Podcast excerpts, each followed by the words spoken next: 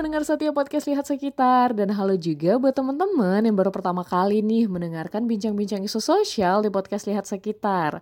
Semoga kita semua masih sehat-sehat aja ya dan kalau ada yang sakit semoga segera pulih. Sama nih kayak lingkungan kita yang makin hari makin kerasa, ini lingkungan udah sakit nih kayaknya. Uh, tapi sebelum lanjut perkenalan dulu deh ya. Hai, aku Jingga dan pada podcast Lihat Sekitar kali ini akan ada dua host nih yang nemenin teman-teman. Siapa tuh satu lagi? Mm, bener. Uh, boleh perkenalan dulu ya? Oke, halo uh, halo teman-teman semua. Kenalin aku Gary. Kali ini aku bakal nemenin Kak Jingga untuk ngebahas podcast kita kali ini bersama pembicara kita yang keren banget Siapa eh, lagi coba kalau bukan Kak Dini. Halo Kak Dini, gimana kabarnya?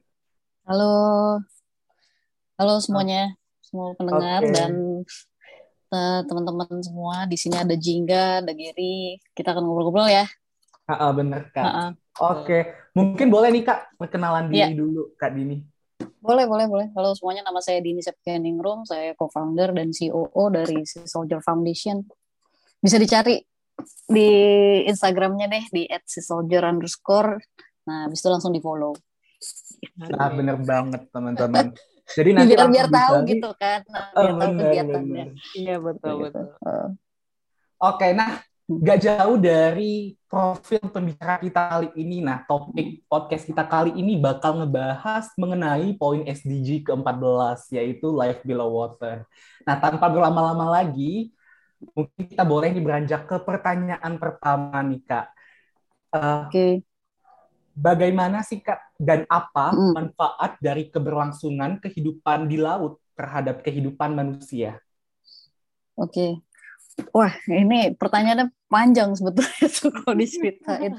Karena kan e, ngomongin ekosistem di laut gitu kan, terus kehidupannya dan pengaruhnya terhadap e, yang di darat gitu kan itu uh, kira-kira singkatnya tuh begini kalau misalkan yang di laut itu adalah puncak dari segala ekosistem atau kehidupan gitu artinya kalau lautnya nggak sehat atau rusak otomatis tuh nggak ada kehidupan gitu hmm.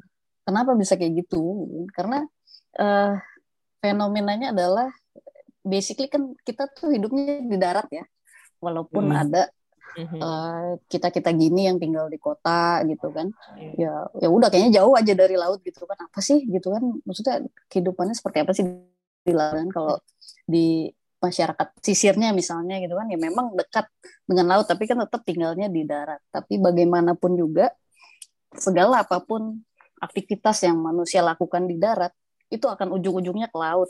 Saya ambil nggak bisa semuanya nih ya. Misalnya ambil satu contoh sampah deh itu 80% sampah yang tidak terkelola itu akan berakhir di laut. Tuh, 80% loh. Artinya apa? Artinya segala yang kita lakukan, aktivitas manusia gitu kan. Kita-kita ini yang di kota, di gunung, di desa gitu kan. Itu sangat berpengaruh terhadap uh, kesehatan laut gitu. Terus apa dampaknya kalau misalkan laut ini nggak sehat gitu? Wah banyak banget yang pertama dari masalah sampah itu sendiri gitu kan.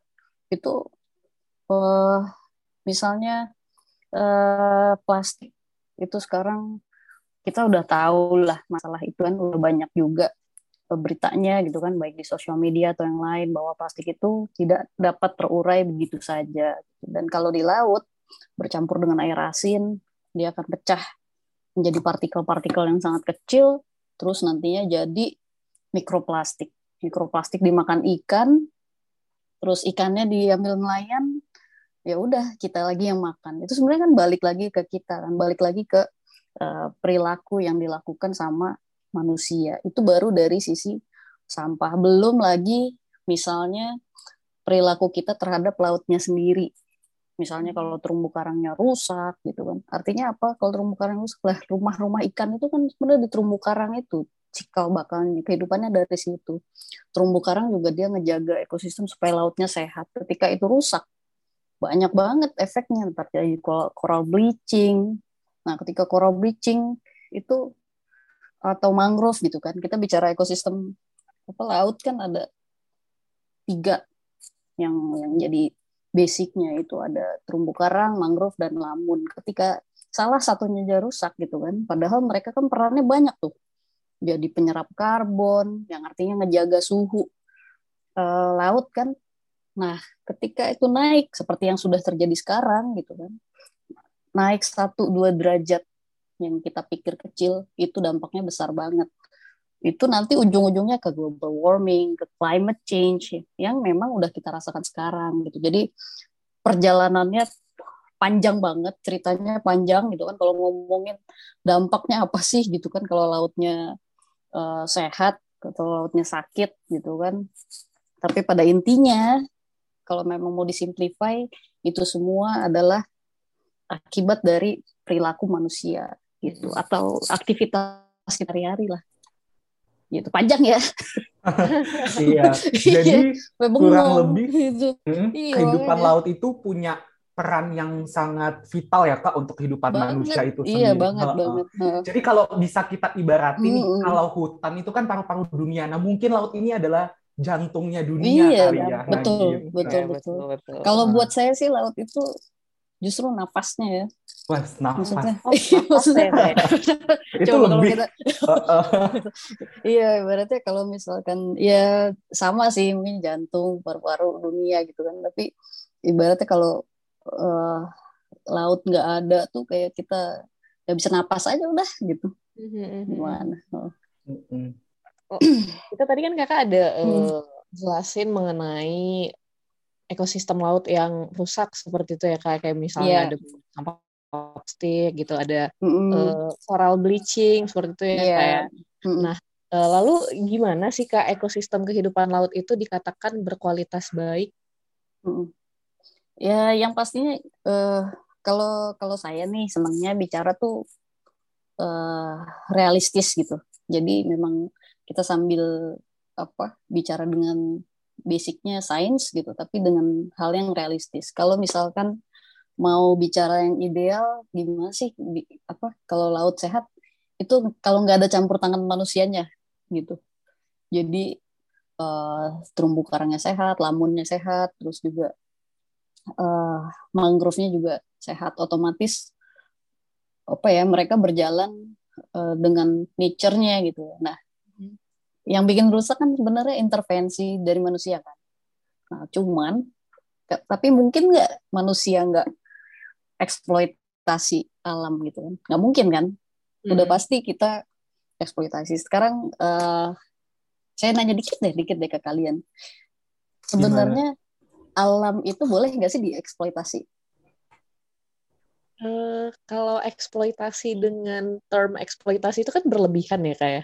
kayak uh, kita kita menggunakan uh, uh. kan kalau menurut okay. saya ya, mm sepertinya tidak boleh ya kayak. Oke, okay.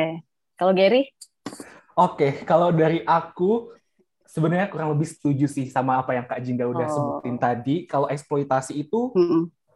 tidak boleh tetapi okay. mungkin lebih tepatnya kita gunakan kata pemanfaatan ya kak pendaya gunaan okay. secara efektif dan efisien gitu untuk ekosistem laut tadi demi keberlangsungan hidup manusia. Yep. Gitu. Jadi ada timbal baliknya gitu ya Oke. Okay.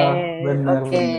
Nah sebenarnya kalau dari bahasa uh, lingkungan termasuk ngomongin SDGs gitu kan di keberlanjutan sendiri eksploitasi itu boleh dilakukan karena kan gimana pun juga eksploitasi itu pasti dilakukan pasti ngerusak gitu kan.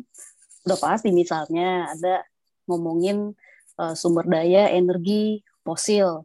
Itu kan nggak mungkin ngebor minyaknya pakai cangkul setiap hari gitu kan. Mm-hmm. pasti pakai bor pakai apa alat-alat berat menggunakan energi yang jauh lebih besar untuk untuk explore explore itu. Dan itu sudah masuk ke ranah eksploitasi. Begitu juga dengan yang ada di laut.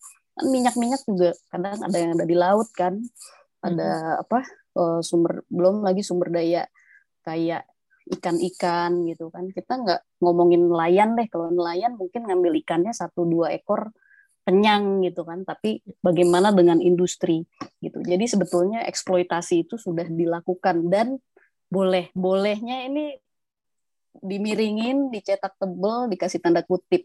Dalam arti uh, bagaimana caranya supaya eksploitasi yang kita lakukan dan kita sudah lakukan dari zaman dulu gitu kan itu harus memikirkan bagaimana nanti anak cucu kita itu juga ikut ngerasain apa yang kita rasain.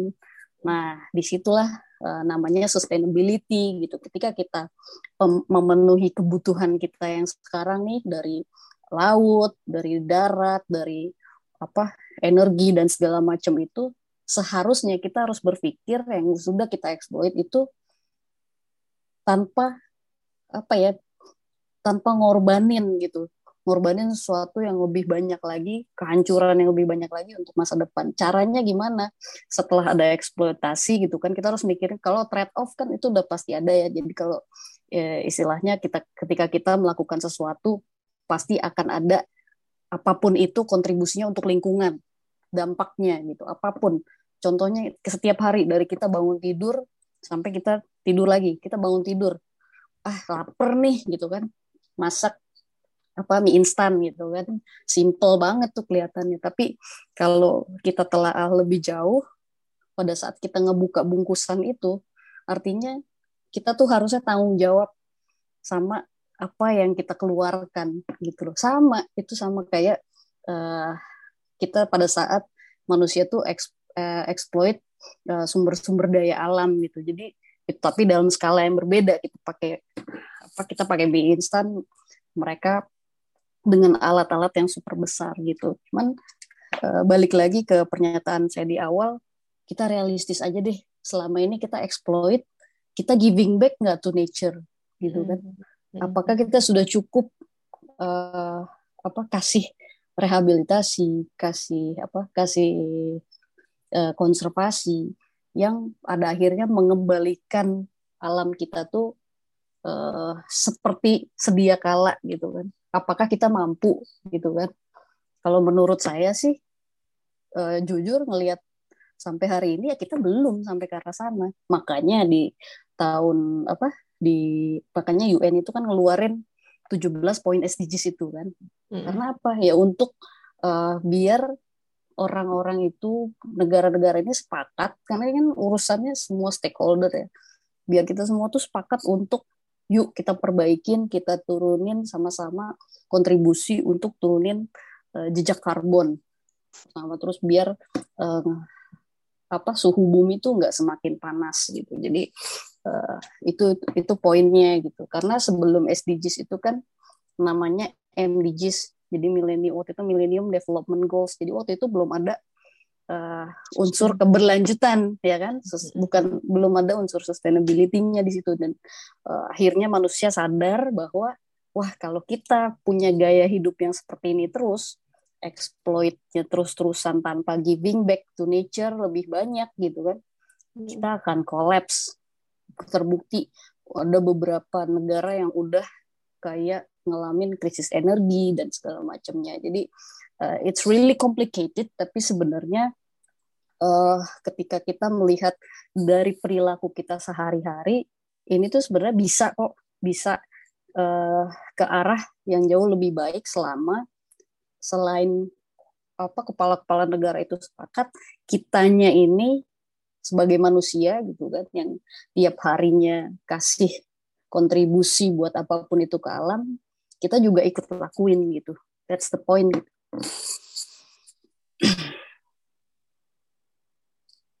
uh, intinya itu sebenarnya yang menjadi highlight itu kontribusi kita kembali ke alam gitu ya kayak ya? betul betul mm -hmm. oh itu uh, panjang kalau boleh uh, ini sedikit ya maksudnya keluar dari apa dari uh, off topic deh, off topic Oke, okay, oke. Okay, Tapi masih masih aman. Karena ini uh, uh, basic ya, basic yang menarik yang sebenarnya semua orang tuh uh, harus memikirkan ini nggak nggak hanya uh, yang di organisasi lingkungan, nggak hanya saintis dan nggak hanya aktivis-aktivis itu kan sebenarnya semua orang harus memikirkan ini dan harus kontribusi. Contohnya kita sekarang uh, saya sendiri, kalian, naik motor naik mobil pasti masih pakai bensin atau solar dong gitu kan. Hmm. dan itu kan uh, uh, apa namanya energi fosil yang tidak terbarukan gitu. Sama kayak misalnya kalian pasti pakai listrik ya kan di rumah kita sekarang lagi pakai listrik nih lagi lagi podcastan gitu kan. Hmm. uh, 60% Indonesia itu masih bergantung sama batu bara. Kenapa batu bara itu masih dipakai sih sebenarnya padahal dia habis gitu kan? Karena kan murah kan. Kita tuh masih bayar listrik murah. Batu bara itu masih dianggap murah. Karena apa? Karena dianggap berlimpah gitu. Tapi kita tidak memikirkan kalau batu bara ini habis gitu kan. Apa yang akan terjadi sih sebenarnya gitu kan. Kan sebenarnya akan mahal. Jadi sebenarnya kan batu bara itu harusnya ketika dihitung kelangkaan, kerusakan dan lain-lain. Artinya ada biaya eksternalitas di situ. Kalau kalian ekonomi dan bisnis pasti kenal yang namanya istilah eksternalitas. Ketika itu dihitung seharusnya itu jadi mahal gitu. Jadi kesalahan-kesalahan yang lalu itu kita menganggap kalau sumber daya yang uh, ada kita pakai itu kayak nggak habis-habis ya. Nah intinya sekarang tuh kayak kita tuh sadar, uh, iya nih udah mau habis gimana nih? Panik panik panik nggak panik nggak gitu kan. Panik lah. Panik lah gitu kan.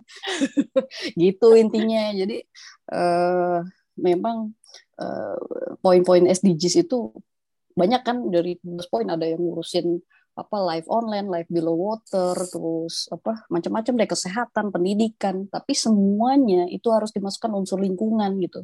Bayangin betapa pentingnya kan sekarang jadinya lingkungan tuh harus masuk ke semua lini kehidupan kita gitu. Uh, bener kak. Jadi kalau kita ngomongin masalah pentingnya unsur lingkungan dalam kehidupan mm. manusia, apalagi yeah. ketika manusia itu menggantungkan hidupnya ya kepada unsur lingkungan mm. tadi seperti manusia yang tinggal di pesisir pantai yang menjadikan laut dan kehidupan yeah. laut itu sebagai sumber penghasilan mereka. Nah, mm apakah sebenarnya kegiatan yang mereka lakukan itu punya dampak buruk terhadap keseimbangan ekosistem laut tersebut? Oke, okay, kalau misalkan dampak bicara masalah dampak, kan kita bicara juga masalah kebutuhan kan. Setiap mm. hari manusia pasti punya kebutuhan untuk makan, ya, untuk, benar, untuk survive gitu kan. So, jadi dan makanan manusia gitu kan itu kan banyak nih kalau yang sekarang kan makanya banyak uh, plant based diet gitu kan jadi harus apa uh, makan makanan dari tumbuhan aja karena dianggap daging uh, merusak lingkungan tetapi secara uh, apa ya secara global gitu kan masa semua orang tiba-tiba jadi vegan kan nggak mungkin gitu saya aja sus susah banget gitu kalau misalkan digunakan uh, secara konsumsi yang tidak berlebihan, kuncinya adalah tidak berlebihan dan atau cukup. Itu sebetulnya nggak ada masalah ketika nelayan punya profesi sebagai apa ya nelayan oh, ngambil ngambil ikan gitu kan untuk konsumsi kita sehari-hari. Kalau misalkan berkecukupan, semuanya akan cukup dan nggak masalah. Karena kan mereka berkembang biak kan, gitu. Dan itu pun ikut uh, ngejaga uh, ekosistem juga selama ngambilnya itu juga dipikirin gitu. Jadi uh, ngambilnya pakai alat-alat yang lebih sederhana gitu kan hindarin. Yang bikin rusak itu kan kayak uh, yang pertama overfishing. Buat industri itu udah pasti rusak lah gitu kan. Kalau saya uh, dari sektor industrinya itu amat sangat gimana ya concern banget gimana sih caranya supaya kita tuh ambilnya secukupnya aja gitu. Overfishing itu jadinya agak tenaga itu merusak banget. Nah, kalau dari sisi uh, nelayan kadang-kadang yang salah itu kan uh, pakai alat tangkap yang merusak kayak terumbu karang kan pakai bom dan lain-lain gitu. Tapi sebenarnya kalau misalnya pakai alat-alat yang biasa-biasa aja gitu kan. Itu nggak masalah mau mencukupkan uh, sekian banyak orang pun nggak masalah. Karena kan kita masih bergantung di Indonesia itu 40 persen uh, apa sumber nutrisi sumber uh, protein itu masih dari laut gitu. Karena kita kan negara kepulauan gitu. Masa kita mau mengandalkan darat sepenuhnya kan potensinya sayang banget lautnya dan and it's okay gitu. Jadinya uh, yang harus diperhatikan bagaimana caranya kita uh, ngambil gitu kan. Kalau misalkan ada 10 ikan, ada ya taruhlah ikannya kita nggak tahu ya cewek cowok cewek cowok. Tapi ketika kita langsung ambil semua 8 atau 9 karena kita ngerasa wah banyak nih gitu kan. Kan langsung habis dia nggak bisa beranak pinak. Tapi ketika ambil secukupnya ambil dua atau tiga kita biarin dulu gitu kan. Nah itu mereka akan beranak pinak kan kita ngejaga juga gitu. Kalau di daerah Papua daerah timur sana itu uh, bagus tuh nelayan-nelayannya. Dia ada ritual namanya uh, bukan ritual ya seperti uh, ada satu musim namanya sasi gitu. Jadi kalau di dalam sasi itu dalam tiga bulan atau dalam jangka waktu tertentu mereka sama sekali nggak boleh melaut nelayan-nelayannya. Biar ngebalikin dulu uh, ikan-ikan dan lain-lainnya itu kayak di recover dulu. Nah, setelah sasinya selesai baru boleh melaut gitu. Kalau uh, yang terjadi di banyak tempat itu kan nelayan-nelayan kecil ya bertumbuhkan dengan industri gitu kan. Jadi uh, nelayan-nelayan yang kecil ini biasanya nih dua kilometer let's say gitu kan itu udah dapat ikan tapi karena karena rusak rusaknya tuh bisa cuma lima menitan rusak tapi itu untuk recovernya itu sebenarnya yang lama. Kayak terumbu karang ketika udah patah udah rusak buat numbuhin satu sentimeter aja kan numbuhnya setahun gitu. Tapi rusaknya mungkin bermeter-meter gitu kan. Akhirnya mereka harus melaut lagi lebih jauh lagi untuk ngambil ikan. Dan itu yang itu yang terjadi jadinya solusi itu apa gitu kan dari dari nelayan terus industri boleh nggak? Ya menurut saya sih boleh aja asal juga tetap memikirkan uh, hal itu. Karena kan uh, levelnya kan beda-beda ya. Ada yang masih punya satu kapal ada yang punya beberapa kapal gitu kan. Nah ada yang punya kapalnya gede dengan jaring yang sekali jaring semua isi laut kayaknya keangkut tuh gitu kan. Nah hal itu tuh yang harusnya iya yang harusnya diperhatiin dong gitu kan. Ini gimana nih biar adil gitu.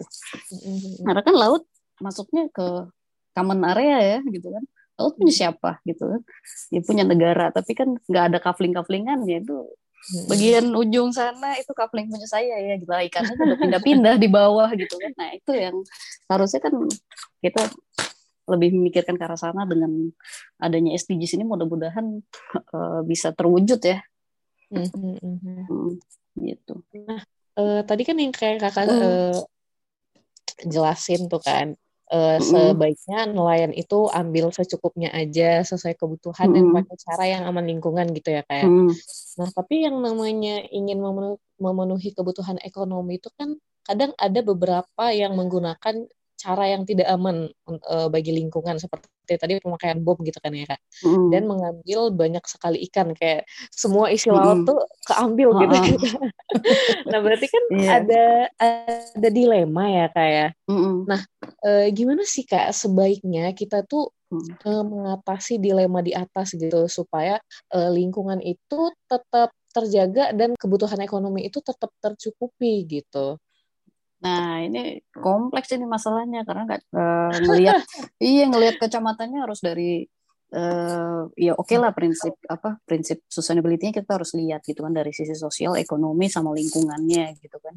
Nah, pemahaman ketiganya ini yang harus di benar-benar dipahamin sama masyarakat uh, de dengan dukungan dari berbagai pihak dari, dari terutama dari masyarakat itu sendiri, terus dari uh, pemerintah dengan membuat regulasi dan kebijakan, lalu mungkin pihak lain, as in industri dan uh, akademisi dan lain-lain. Nah, nah, ketiganya ini kan kompleks kan. Kita ngomong di sini ya udah kerjasama aja tiga-tiganya gitu kan. Nggak nggak semudah nggak semudah itu juga. Cuman iya, betul, betul. Uh, apa oh nggak semudah nggak semudah itu. Tapi bisa nggak? Bisa.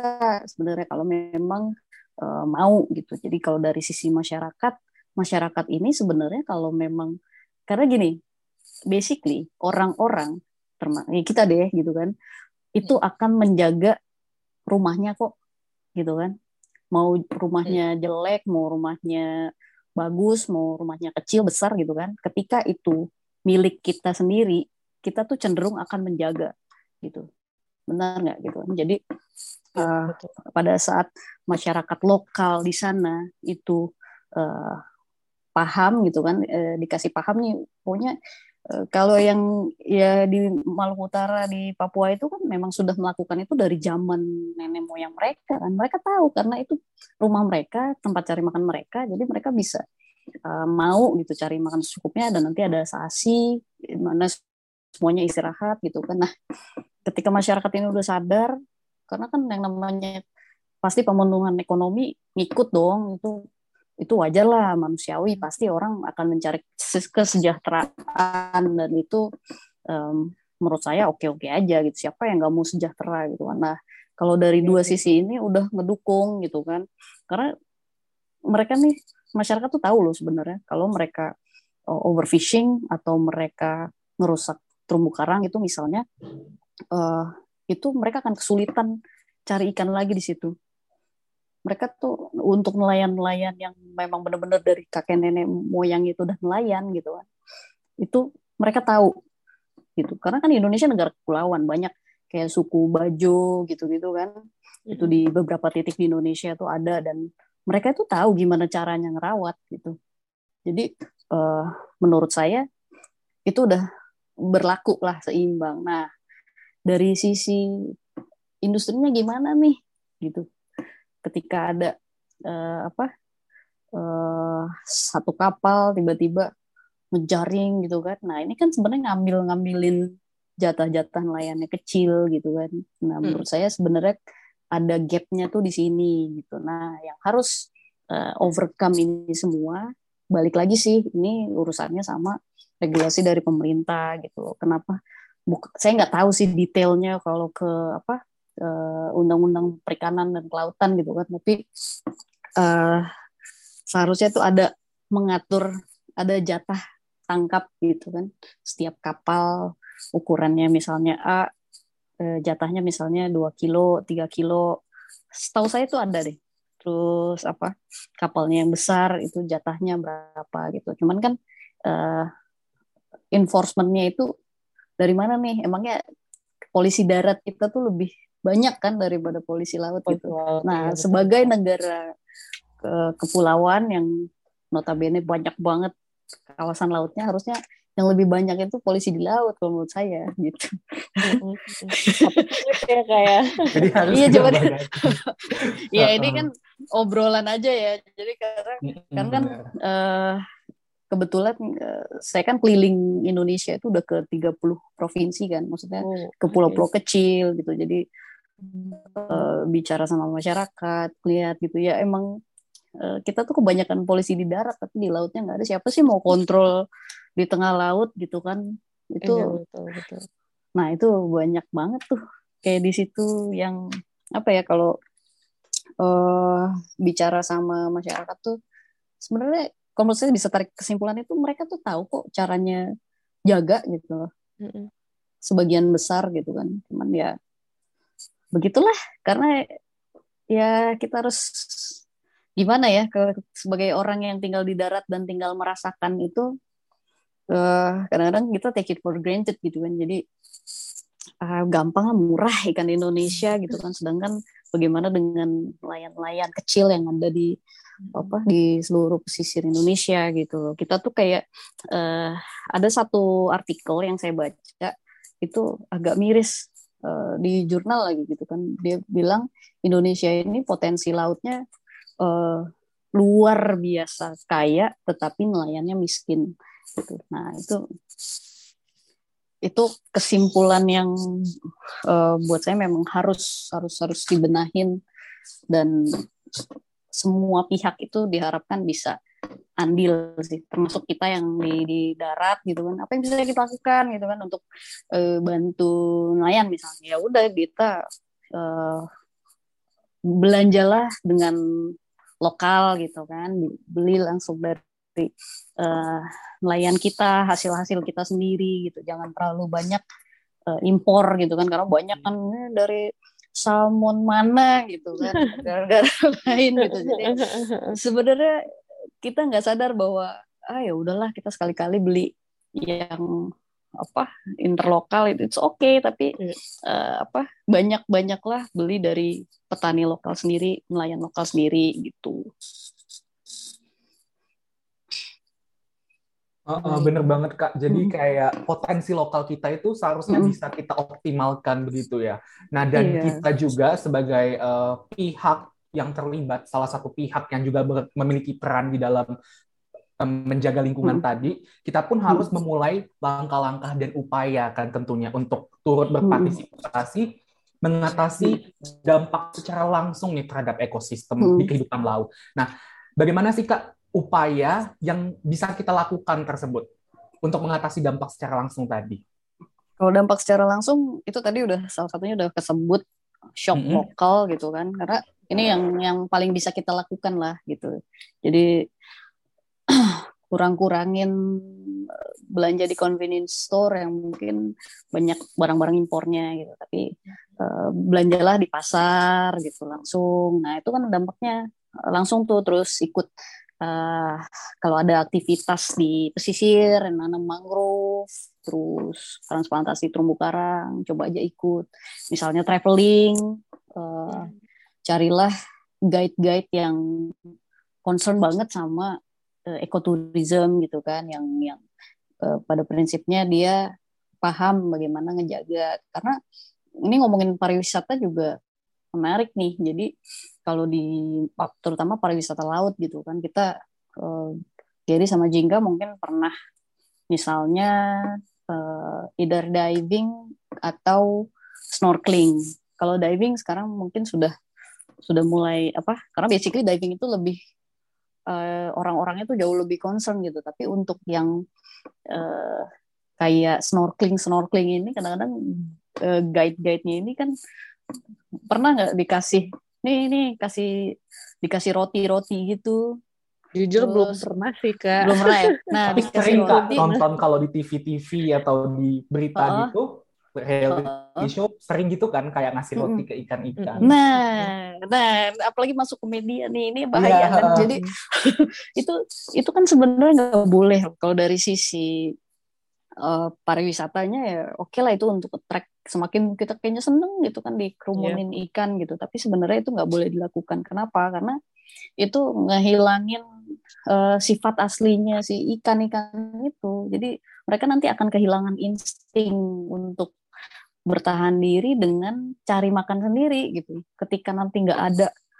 apa yang ngasih makan ke situ, apa nggak pusing tuh gitu kan? Itu itu kita nggak sadar gitu. Jadi eh, perilaku yang seperti itu kita pikir wah itu ikan-ikan seneng kok dikasih makan iya memang gitu kan itu kan dari sisi kitanya ya kalau tapi dari uh, sisi perkebinatangannya gitu kan maksudnya sifat-sifat mereka yang uh, yang harusnya mencari makan itu sendiri. Itu dari satu perilaku juga doang gitu kan. Terus waktu itu Bu Susi uh, sempat keras banget itu kalau cuma snorkeling nggak usah pakai fin gitu kan. Itu bener gitu. Kenapa? Karena banyak kan aduh kalau ini kan arusnya kenceng atau lebih enak pakai fin. Karena apa? Karena kalau misalkan snorkeling itu cenderung uh, pendek kan nggak nggak di laut yang dalam. Itu rentan banget finnya itu nyepak nyepak terumbu karang gitu. Tadi saya di awal udah apa udah cerita kalau pertumbuhan karang itu amat sangat sensitif dan lambat gitu.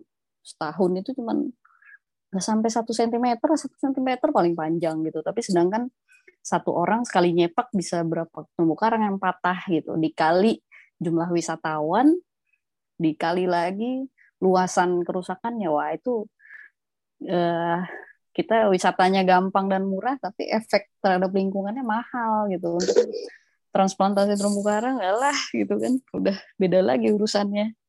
Siapa yang mau bayarin gitu Oke, Kayak butuh jadi, waktu berpuluh tahun oh, gitu ya kayak. Iya, makanya kalian hmm, lama banget liburan ya. liburan ke pantai cuma tiga empat hari gitu, tapi untuk recover dari apa yang efeknya gitu kan itu Butuh panjang banget. uh, kayak megang-megang apa orang kalau uh, traveling juga suka uh, megang-megang selain megang terumbu karang gitu kan terus nanti ada uh, hewan laut yang diangkat terus difoto-foto gitu kan. Nah, itu juga itu perilaku yang sebetulnya tidak boleh dilakukan karena bagaimanapun juga kan kita beda nih. Kita biasa hidup di darat mereka di laut gitu. Kalau bicara dari sisi sainsnya ketika tangan kita ini barefoot eh, apa bare apa bare hands gitu kan. Bare jadi uh, itu pegang terumbu karang terus nyentuh terumbu karangnya enzim yang ada di tangan kita itu pindah ke mereka dan hmm. itu mereka tuh nggak kuat panasnya juga gitu loh. Belum lagi kalau kita suka pakai sunblock. Ya kan hmm. sunblock yang apa chemical kadarnya kadar chemicalnya tinggi udah itu juga ikut ikut uh, ngerusak makanya cari juga uh, sunblock itu cari yang memang aman buat di laut tuh banyak sekarang gitu banyak dilakuin gitu terus uh, itu baru dari dua tuh ya makanya sebenarnya etika uh, berwisata di laut pun itu banyak juga yang harus diperhatikan gitu. Mm -hmm. Jadi banyak banget ya kak kayak mm. aktivitas yang kita lakukan iya. yang uh, kita berinteraksi secara langsung nih terhadap mm -hmm. ekosistem laut kayak tadi pas kita snorkeling mm. atau pas kita lagi diving yeah. terus kita megang-megang mm. ikan dan terumbu karang mm. gitu dan juga aktivitas-aktivitas tadi yang udah kakak mm. sebutin di pertanyaan-pertanyaan kita sebelumnya itu punya dampak yang signifikan juga yeah. terhadap uh, dan uh, untuk implikasinya terhadap lingkungan laut mm, terutama. Mm, iya. Dan dampaknya itu kan langsung kan tadi pertanyaannya iya, benar. langsung itu langsung langsung, uh, langsung bayar tunai sah. Jadi kayak kita butuh partisipasi banyak pihak Betul. untuk mengatasi problematika tadi hmm. gitu. Nah, kita udah sampai nih di penghujung episode pertama yang membahas mengenai dampak aksi manusia terhadap kehidupan laut secara langsung. Dan kita bakal ketemu di next episode di episode kedua.